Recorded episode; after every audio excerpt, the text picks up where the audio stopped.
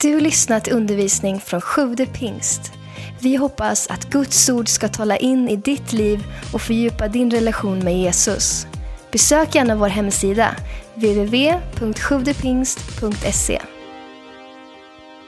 Ja, som sagt var, vad Daniel redan har sagt tidigare här, så har vi ju haft ett, ett spännande sommartema och vi har kommit fram till den sista eh, gudstjänsten där vi kommer ha det här temat Jag undrar.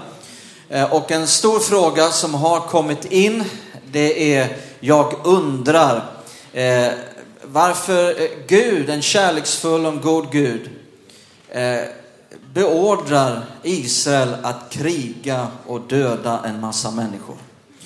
Så den, den frågan tyckte vi var, var väldigt viktig och eh, vi ska titta på det här idag. Vi ska läsa i femte Mosebok 20. Femte Mosebok 20. Vers 16 till 18. Men innan vi läser så ber vi tillsammans. Fader Gud, i Jesu namn, vi tackar dig för dina ord till oss som vägleder oss, som ger ljus i mörkret. Tack för din heligande som uppenbarar dina ord för oss i våra hjärtan så att vi kan förstå. Åh, så att vi kan gå med trygghet, med säkra, fasta steg i en svår värld, i en mörk värld, i en fallen värld. Jag ber att din heligande ska ge ljus i våra hjärtan här idag. En uppenbarelsens ande som blir långt mycket mer än att vi får fakta i huvudet, utan att vi får upplysta hjärtan. Som skapar tro, som skapar en djup gemenskap med dig Gud. Och vi ber att Jesus ska få bli förhärligad. Åh, upphöjd, trodd, älskad här idag. I Jesu namn. Amen.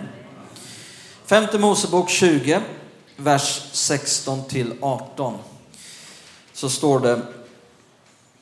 Um, men i de städer som tillhör dessa folk, som Herren din Gud ger dig till arvedel, ska du inte låta något som andas få leva. Du ska ge dem till spillo. Hetiterna och amoréerna, kananéerna och pariséerna, hivéerna och jebusiterna, så som Herren din Gud har befallt dig för att de inte ska lära er att bedriva alla de vedervärdigheter som de själva har bedrivit till sina gudars ära och så komma er att synda mot Herren, er Gud. Så den här frågan, jag undrar, hur kan en god och kärleksfull Gud befalla Israels folk att kriga och döda en massa människor? Det är en fråga som de flesta av oss förr eller senare ställer sig. Jag har ställt mig den, säkert de flesta. Eh, inte bara eh, vi troende, eh, eller om man är kristen, man ställer sig den här frågan med ett ärligt hjärta, utan det finns också en massiv attack från nyateistiskt håll i vår tid, där man vill eh, visa att Gud i Gamla Testamentet är en ond Gud, en helt annan Gud än den kärleksfulla Fader som vi möter i Nya Testamentet. Och nu hinner vi inte med alla sådana argument för det här idag, helt omöjligt. Men vi ska ta det främsta, själva, eh, det, det, kanske det största argumentet för en sån påstående. Eh, och det är detta att eh, man påstår ifrån sådant håll att Gud beordrar etnisk rensning och folkmord i Gamla Testamentet. Och det här måste vi som kyrka kunna svara på i vår tid, för där, där möter vi hela vårt samhälle överallt, eh, från olika håll. Eh, och, och, vi kristna behöver vara rustade för att, att bemöta en sån attack på tron. Det här är en stor fråga eh, och, och, man kan inte bara ge ett snabbt svar.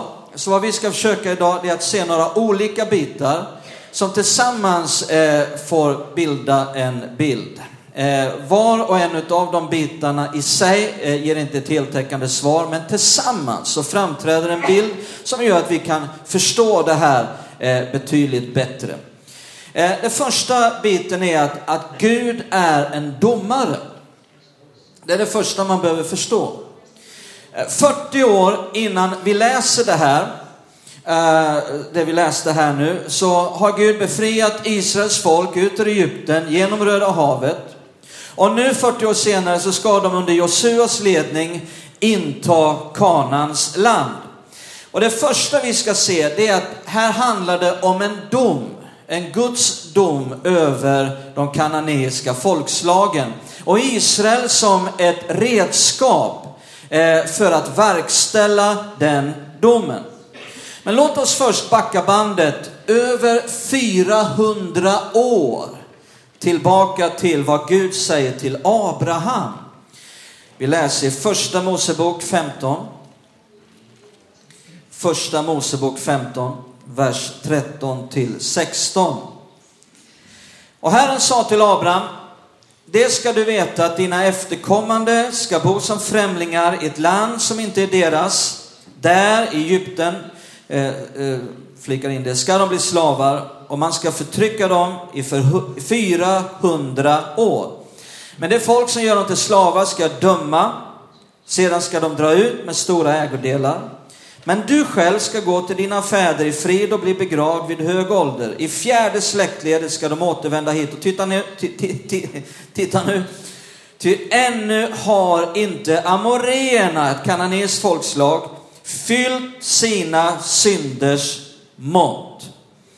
Så att tiden här för domen var inte mogen. Synden, eh, måttet för synden var ännu inte fullt. Gud väntade över 400 år. I fallet med Sodom och Gomorra, där var tiden mogen för dom Eh, med de städerna. Det fanns inte tio rättfärdiga i de städerna. På Noas tid så hade mänskligheten sjunkit så lågt moraliskt som man kunde inte sjunka lägre.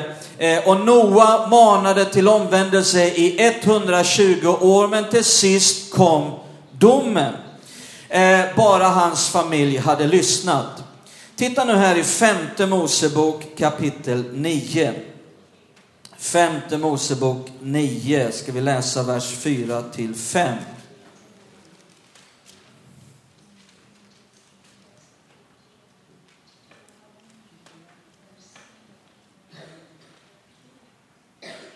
Lyssna noga på vad som står. När Herren din Gud driver undan dem för dig får du inte säga i ditt hjärta. För min rättfärdighets skull har Herren låtit mig komma in i detta land för att ta det i besittning. Ty det är, ett og, det är ogudaktigheten hos dessa folk som gör att Herren driver bort dem för dig. Det är inte genom din rättfärdighet eller ditt hjärtas rättsinnighet som du går för att ta deras land i besittning, utan det är till följd av ogudaktigheten hos dessa folk som Herren din Gud driver bort dem för dig. Och så uppfyller vad han med en har lovat dina fäder Abraham, Isak och Jakob. Eh, vad var det då för ondska de levde i? De kananeiska folkslagen. Ja, till exempel så offrade man sina barn åt avgudar. Det var inte bara oönskade bebisar, utan så gamla barn som fyraåringar brändes i eld. Eh, under högljutt trummande och pipflöjt, pipande flöjter för att man inte skulle höra kvidandet och skrikandet. Eh, man levde i extrem sexuell perversion med extrem form av otukt, rituella orgier, sex med prostituerade i templet och lyssna, vare sig incest eller sex med djur ansågs vara felaktigt moraliskt. Eh, gudarna man dyrkade påstods göra likadant. Eh, ju mer sexuella riter man hade i templet, eh, desto mer eh, stimulerades fruktbarhetsguden Bal att göra likadant med sin gemål. Eh, vilket betydde att hans säd eller regn bevattnade jorden. Eh, till det här så måste man också lägga det extrema blodtörsten och våldet hos till exempel eh, en, en eh, krigsgud som Anat. Eh, som då också fick folkslaget att göra likadant.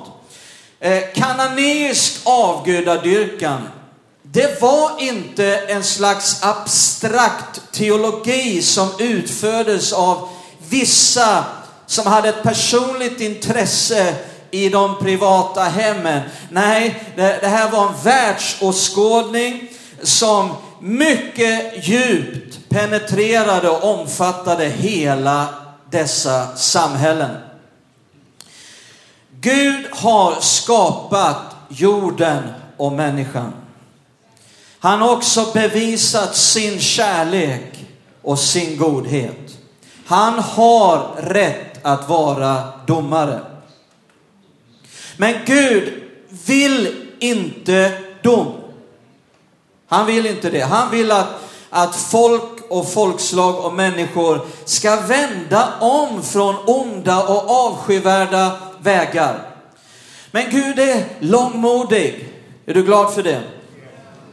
Gud är tålmodig. Och när människor tycker att nu är det dags så säger han det är inte dags. Han sträcker på det hela, han väntar. Dom är en sista utväg min vän. Om man har problem med att Gud är domare, att han inte bara är kärlek, han är också domare. Ja, då får man problem att förstå vad som händer här. Gud är en domare. Lyssna på det här också, det här är också väldigt viktigt att förstå. Israel, de fick inte föra några heliga krig i Guds namn efter eget bevåg. Utan det var efter Guds instruktion under en mycket begränsad tid till ett mycket begränsat landområde som detta hände. Efter detta skulle Israel inte utöva några attackkrig överhuvudtaget på omkringliggande folkslag för att utöka sitt landområde. Försökte de med några egna krig, det slutade alltid katastrof. Säger Gamla Testamentet. Efter denna tid var Gud bara med dem om de själva blev anfallna. Eh, det här, lyssna noga, det här, de här, det här kriget, det som sker här, det är inte en standard för oss i, vårat, i vår tid. Det är inte en standard heller för de andra skeendena i Israels historia eh, och skulle inte upprepas av vare sig Israel eller några andra folkslag. Det här är oerhört viktigt att få med sig för att förstå. Lyssna nu. Visste kananéerna bättre än att leva i, denna, i detta djupa moraliska förfall som pågick. Visste de bättre? Ja, titta här i Romarbrevet kapitel 1 får vi se. Romarbrevet kapitel 1. Vers 18 till 20.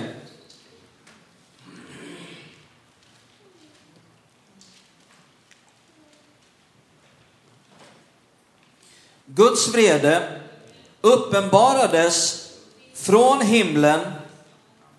En del har förstå, svårt att förstå det här med Guds vrede. Men det är just Guds kärlek som har att göra med Guds vrede. Alltså det är för att Gud älskar människan så oerhört mycket och vill så mycket gott och så mycket underbart för varje människa så han blir vred på det som äventyrar det.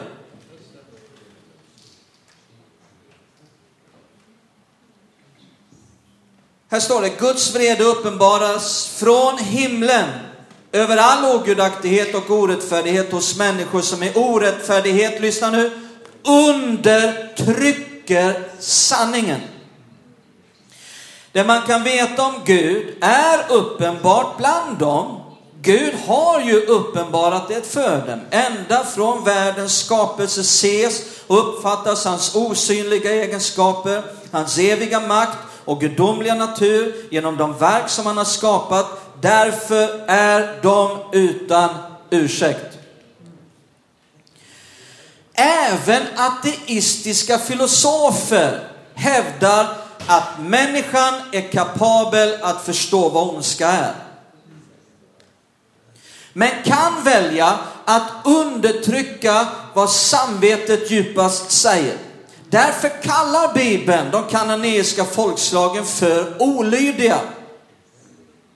De visste bättre. Men skapade en massa ursäkter för att, att göra vad de själva ville. Enligt, lyssna nu, enligt nyateistiska agitatorer, agitatörer vad man säger, så beordrar Gud etnisk rensning och folkmord. Men vänta lite. Etnisk rensning är en produkt av rasism och främlingsfientlighet. Var det det som låg bakom? Var det det som fick Israel att göra vad de gjorde? Nej, absolut inte. Här finns ingen rasism eller främlingsfientlighet hos Israel. Tvärtom. Gud, han, han, han säger till Abraham 400 år tidigare, jag ska välsigna jordens alla folkslag genom dig. Abraham själv bemötte alla främlingar på ett mycket generöst sätt. Mose själv skaffade sig en mörkhyad nubisk hustru. Eh, han befall, Gud befaller hela tiden Israel att ta väl hand om alla främlingar. Israelisk lag påbjöd, påbjöd att, att främlingen skulle med, rätt, med rätta, eh, eh, eh, eller ha, ha samma rättighet att med samma lagliga rättigheter bo i Israel. Eh, så detta med etnisk rensning, den tanken på etnisk rensning och folkmord, det kan vi lägga ner på en gång. Det handlar inte om det. Gud varnar till och med Israel själv att de sitter inte säkert i landet. Om de skulle få för sig att vända sig bort från Gud och leva i djupt moraliskt förfall, så säger Gud, då ska jag driva er ut ur landet. Så Gud är överhuvudtaget inte fokuserad på etnicitet, utan på den synd som bedrevs. Är ni med? Så den första biten, Gud är en domare. Den andra biten är den bakomliggande andliga striden. Gamla testamentet kopplar mycket tydligt ihop avgudar och demoner. Avgudar och demoner hela tiden i gamla testamentet. Dessa Guds fiender som gjorde uppror mot honom. Vad som sker i det här sammanhanget är helt enkelt också en andlig strid. Där Gud går emot dessa onda andemakter som var rådande. Inte för våldets skull, inte för att enbart vinna seger, utan för att, att skapa frid, att skapa rättvisa, att skapa utrymme och förbereda för frälsningsplanen genom Jesus Kristus. Det är också det som händer. I Nya Testamentet, där läser vi väldigt tydligt mycket tydligare om den andliga striden mellan Gud och Satan. Och hur också vi deltar i den. Men den striden handlar ju inte om att i det fysiska börja attackera folkslag. Eller hur? Uh, så Israel som invaderar Kanans land ska inte ses och jämföras med till exempel Hitlers invasion av Polen. Utan det handlar mycket mer om eh, till exempel den sicilianska polisen som invaderar ett maffianäste och därmed avlägsnar ett korrupt kriminellt nätverk för att invånarna ska kunna leva, inte i fruktan, utan i frid. Vi ser här helt enkelt Guds kraft, hans suveräna herravälde som uppenbaras över dessa folkslags avgudar. Det är den andra biten. En tredje bit som också är viktig att förstå här, det är att det inte är ett utplånande utan snarare ett successivt fördrivande. Hur, vi måste titta nu här på hur utspelade sig då det här intagandet utav Kanans land.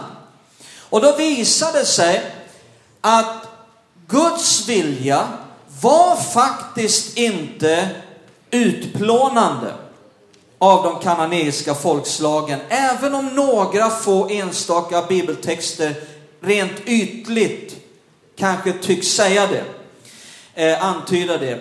Utan Guds dom handlade om att driva ut de kananeiska folkslagen.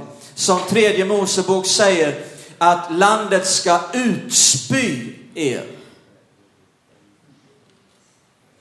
Och det är väldigt dominant i Gamla Testamentet, just det här språket. Vi har redan läst det tidigare. Eh, bilden som framträder då handlar inte om en stor, gigantisk israelisk armé som bara slår ner på de kananeiska folkslagen och förtär allting i sin väg.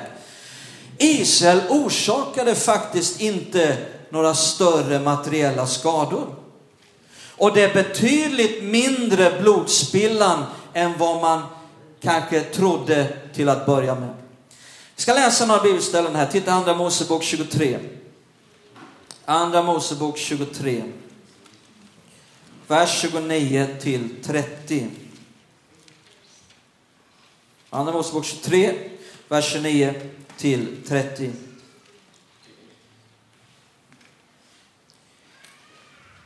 Men jag ska inte driva undan dem för dig på ett enda år. Kolla vad som står. Jag ska inte driva undan dem för dig på ett enda år. För att landet inte ska bli ödemark där vilddjuren förökar sig och blir dig övermäktiga. Så småningom, kan alla säga så småningom? Så småningom ska jag driva bort dem för dig till dess att du har förökat dig så att du kan ta landet till din arvedel. Den verkliga bilden är att det här tog hundratals år. När vi kommer fram typ 13-1400 år senare, ett, ett hundra år innan Jesus, ja då, då är allt på plats. Eh, så, så det, här, det, det, här talar Gud, så här säger Gud.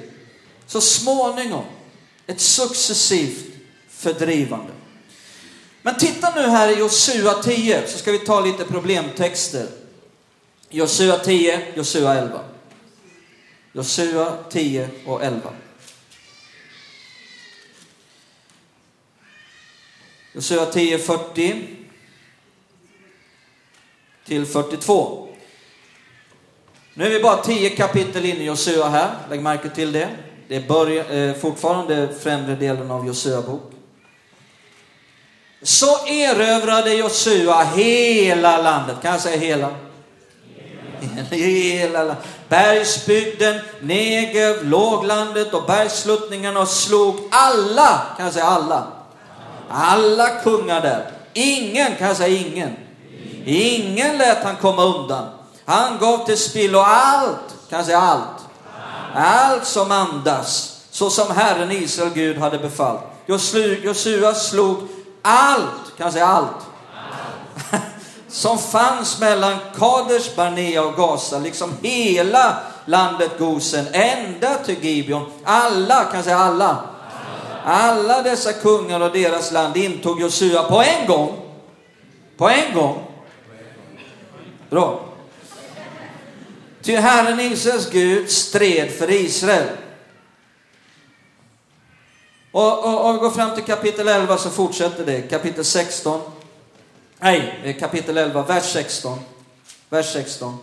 Och Josua intog hela detta land, bergsbygden, hela Negev och hela landet Gosen, låglandet och hedmarken, liksom Israels bergsbygd och dess lågland. Eh, landet från Halakberget som höjer sig mot Ser, ända till Balgad i Libanondalen nedanför berget Hermon. Alla kungar där tog han till fånga och slog dem till döds. Josua förde krig mot alla dessa kungar under lång tid. Förutom de hivéer som bodde i Gibeon fanns det ingen stad som ingick fred med Israels barn, utan de intog dem alla med strid. Ty från Herren kom det att de förhärdade sina hjärtan och gick ut i strid mot Israel för att han skulle ge dem till spillo och inte visa dem nåd. Istället skulle han utrota dem så som Herren hade befallt Mose. Vid denna tid begav sig Josua iväg och utrotade anakiterna. Titta på det här nu. Han utrotar vilka? Anakiterna. Från bergsbygden, från Hebron, Debir och Ana, från hela Juda bergsbygd och hela Israels bergsbygd. Josua gav både dem och deras städer till spillo. Inga anakiter lämnades kvar. Hur många anakiter lämnades kvar? Inga. I Israels barns land, de var bara i Gaza, Gat och Astod som några blev kvar. Några. Så intog Josua hela landet så som Herren hade lovat Mose och Josua gav det till arvedel åt Israel efter deras avdelning av stammar. Landet hade nu ro från krig. Är det klart? Konstigt att Josua bok inte är slut här. Eh, så språket som här används, det är att jobbet är färdigt. Folkslagen är fullständigt utrotade. Inget finns kvar. Allt är intaget. Men stämmer detta egentligen? Nej, inte alls. Nu ser en del blev jätteoroliga. Stämmer inte alls. En vidare läsning av både Josua och Domarboken visar på något helt annat. Här står till exempel att anakiterna var utrotade. Men i kapitel 14, då kommer Kaleb och begär tillåtelse av Josua att få inta bergsbygden och fördriva alla anakiterna. Hade landet ro från krig nu, som det står här? Nej. Kapitel 13 säger att det var mycket territorier kvar att inta. Stam efter stam misslyckades med att driva ut kananéerna. I kapitel 18, där säger Josua själv till sju av de tolv, majoriteten av stammarna, han säger till, till majoriteten av stammarna, hur länge ska ni vänta med att gå och ta i besittning det land som Herren har gett er? Och kolla här i domarboken. Josua dör här. Eh, efter Josuas död så kommer domarboken. Och titta vad det står i kapitel 1. Vers 21.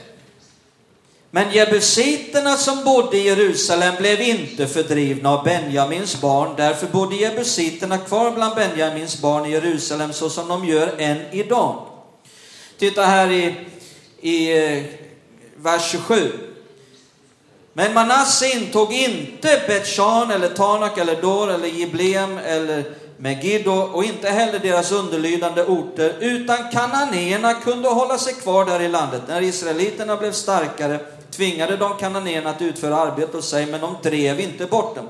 Och Efraim drev inte heller bort de kananéer som bodde i Geser, utan kananéerna bodde kvar bland dem i Geser. Sebulon drev inte undan invånarna i Kitron eller invånarna i Nahalol, utan kananéerna bodde kvar bland dem, men blev tvingade att utföra arbete åt dem. Aser drev inte bort invånarna i Akko eller invånarna i Sidon, inte heller de i Alab, Aksib, Helba, Afik och Rehob.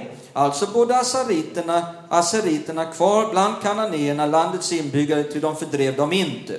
Naftali drev inte bort invånarna i Betsemes, inte heller invånarna i Betanat, utan bodde bland utan bodde bland kananéerna, landets inbyggare, men invånarna i Betsemes och Betanat blev arbetspliktiga åt dem. Amoréerna trängde undan Dans barn till bergsbygden, ty de tillät dem inte komma ner till dalbygden, och amoréerna kunde hålla sig kvar i Har, har, har Heres, Ayalon och Salbim. Men Josefs barn, han blev tung över dem så att de blev tvingade att utföra arbetet. Amorenas område sträckte sig från Skorpionhöjden, från Sela och vidare uppåt. Är inte det här väldigt motsägelsefullt? Hur ska vi då förstå kapitel 10 och 11 där allt är färdigt, allt är intaget, allt är utplånat, det finns inget kvar, alla kungar är döda. Hur ska vi då förstå det? Jo, här använder i kapitel 10 och 11 Josua, använder Josua samma storslagna krigsretorik som eh, hans samtida kungar i till exempel bland egypter, hetiter, amoreer, assyrier och så vidare använde och påstår att hela landet intogs, alla kungar är besegrade och alla kananéer är tillintetgjorda. Är detta felaktigt? Det vi läser i kapitel 10 11 Josua. Eh, eh, vill Josua 10-11 missleda, föra bakom ljuset, eh, undanhålla sanningen? Nej, inte alls. Vi ska helt enkelt inte uppfatta det bokstavligt. Utan han säger bara det som alla på den tiden förstod. Fienden har fått storstryk. Det är det Josua säger. Vi gav dem storstryk. Och det var det sättet man kommunicerade storstryk. Du kan läsa i moabitiska historiska skildringar där moabiterna skriver, vi utplånade Israel, det finns inget kvar. Hur sant var det? De är kvar än idag. Du kan läsa sånt i, i jättemycket eh, eh, om du studerar de här folkslagen. Eh, titta här nu i femte Mosebok 7 och 22. Det var inte ett utplånande, det var ett, ett successivt fördrivande. Femte Mosebok 7, 22. Och det har Gud redan sagt, redan i andra Mosebok, men också i femte Mosebok 7, 22. Och Herren din Gud ska jaga iväg dessa folk för dig undan för undan. Kan jag säga undan för undan. Du får inte förgöra dem med en gång. För att inte vilddjuren på marken ska bli för många dig till skada. Herren din Gud ska ge dem till dig och, och så vidare. Titta här i vers 2 nu. Vers 2 till 5. Och när Herren din Gud ger dem till dig och du slår dem, då ska du ge dem till spillo. Du ska inte sluta förbund med dem eller visa dem nåd. Du ska inte ingå släktskap med dem, dina döttrar ska du inte ge åt deras söner och inte deras döttrar åt dina söner. Ty de kommer då att leda dina söner bort från mig till att tjäna andra gudar, och Herrens vrede ska då upptändas mot er, och han ska snabbt förgöra dig. Men så här ska ni göra med dem, ni ska bryta ner deras altare slå sönder deras stoder, hugga ner deras aseror och bränna upp deras avgudabilder i eld. Om Gud ville att kananéerna fullständigt skulle utplånas, varför då säga i den här texten att ni får inte sluta förbund med dem, ni får inte ingå äktenskap med dem. Om de är fullständigt utplånade, då finns ju ingen att ingå äktenskap med. Nej, vers 5 här visar på huvudsyftet med det hela. Gud var inte ute efter att förgöra de kananeiska folkslagen. Han var ute efter att förgöra den kananeiska religionen. Så att det inte skulle utgöra en fara för Israels folk som skulle vara heliga och avskilda för Gud. Är ni med nu? Det handlar om ett, ett successivt fördrivande eh, av civilbefolkningen, inte ett utplånande. Men så kommer vi till sist nu, den sista biten som blev väldigt viktig, därför har jag sparat den till sist.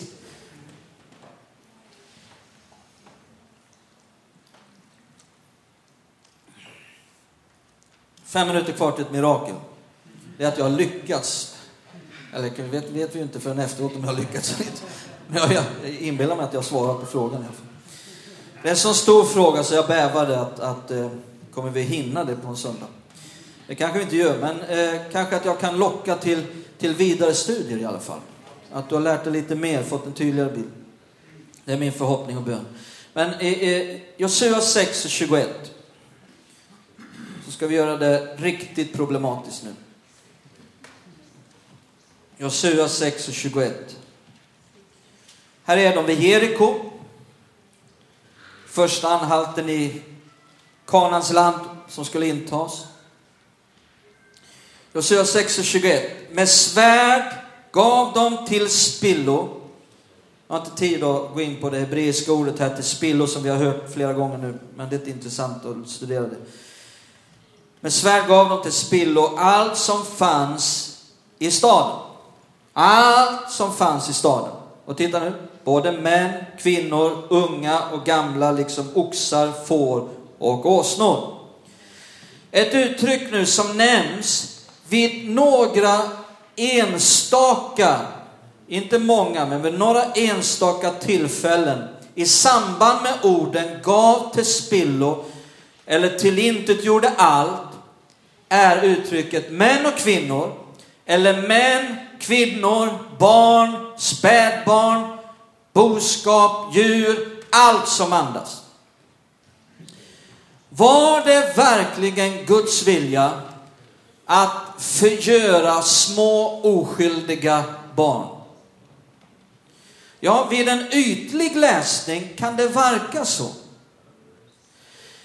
Men om vi gör ett djupare studie där vi också får med utombibliska, arkeologiska och historiska forskningar och studier så framträder en helt annan bild.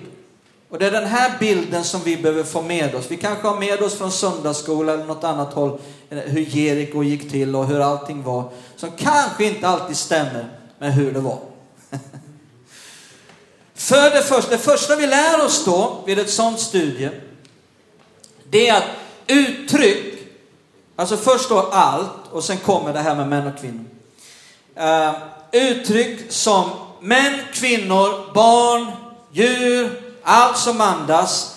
Det är ett stereotypiskt svepande uttryck som var vanligt i Mellanöstern på den här tiden och användes helt enkelt för att, att säga alla invånare på platsen, även om kvinnor och barn inte fanns där.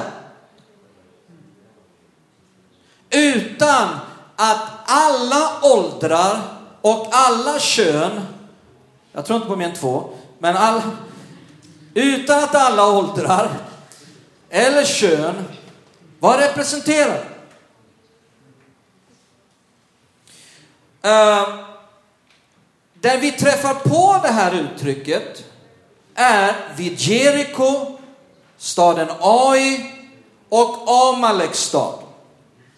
Amalekiterna, som är i sig intressant att studera för att förstå, var kanske den mest ondskefulla folkgruppen eh, som hela tiden försökte förgöra Israel. Det andra som djupare studier och forskning visar på och vad vi vet om livet i Mellanöstern under senare delen av bronsåldern, det är att dessa städer, Jeriko, Ai och Amaleks stad, var militära fästningar. Där hittade du regeringsbyggnader, politiska ledare, arméer, prästerskap.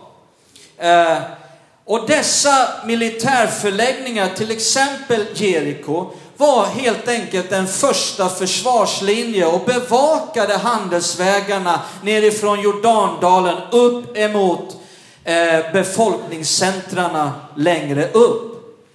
Eh, civilbefolkningen bodde i, de, i det omgivande landskapet. Ordet kung, Melek, det var ett, ett ord som flitigt användes i kanan för en militär ledare som i sin tur var ansvarig för en högre regent som inte var närvarande på platsen. Det finns inga arkeologiska bevis på att någon civilbefolkning bodde i Jeriko. Det är mer troligt att Jeriko var en mindre fästning befästning med kanske hundra eller färre soldater, vilket gjorde att Israel kunde tåga omkring Jeriko sju gånger och dessutom bedriva krig allt på en dag. Till exempel i första Samuelsboken 15 så står det att kung Saul, vi ska inte läsa om det, du kan göra det sen. I första Samuelsboken 15, där står det att kung Saul, han utplånade Amalek fullständigt. Enligt befallningen och retoriken döda män, kvinnor, barn, spädbarn, boskap, allt som andas och så vidare. Om nu civilbefolkningen och hela Amalek fullständigt utplånades i första Samuelsboken 15. Varför är då David igång 12 kapitel senare och krigar mot Amalek? Ut, och utplånade dem. Utplånades de? Nej. I kapitel 30, 15 kapitel senare, då är, då är de tillbaka igen och gör sin mycket ökända räd. Var det slut med dem nu? För då står det återigen, nu utplånar de allt. Nej. 250 år senare dyker amalekiterna upp i första krönikeboken 4.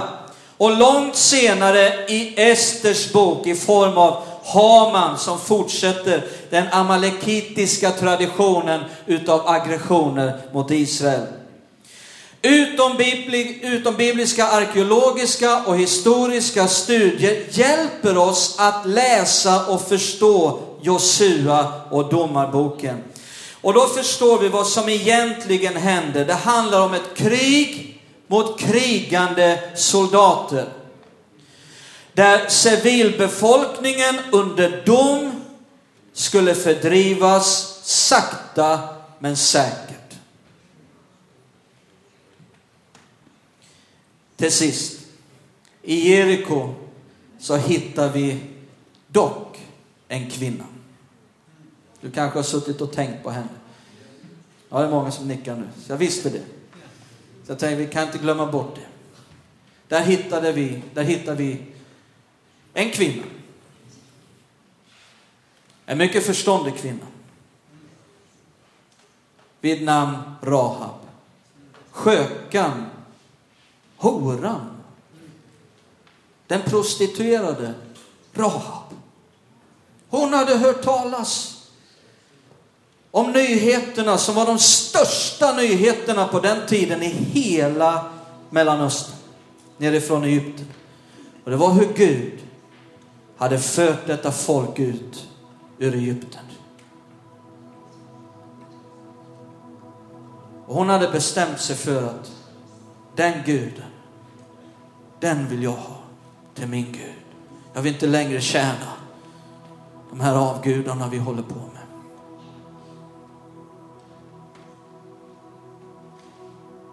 Vem var hon? Tillsammans med sin familj så ansvarade de för fästningens krog, gästgiveri eller värdshus. Det var inget horhus. Även om prostituerade ibland eller ofta fick ansvara för det hela. Där kunde resande karavaner eller kungliga budbärare stanna över natt. Som hade ärenden. Och vad som händer i Josua, om du skulle gå och läsa det med Josuas två spejare som tar in hos Rahab Eh, de var inte där för att, att ligga med henne. Eh, läser man texten väldigt noggrant och jämför med andra texter så de, de var där för att det var dit man kom och man skulle inte fästa.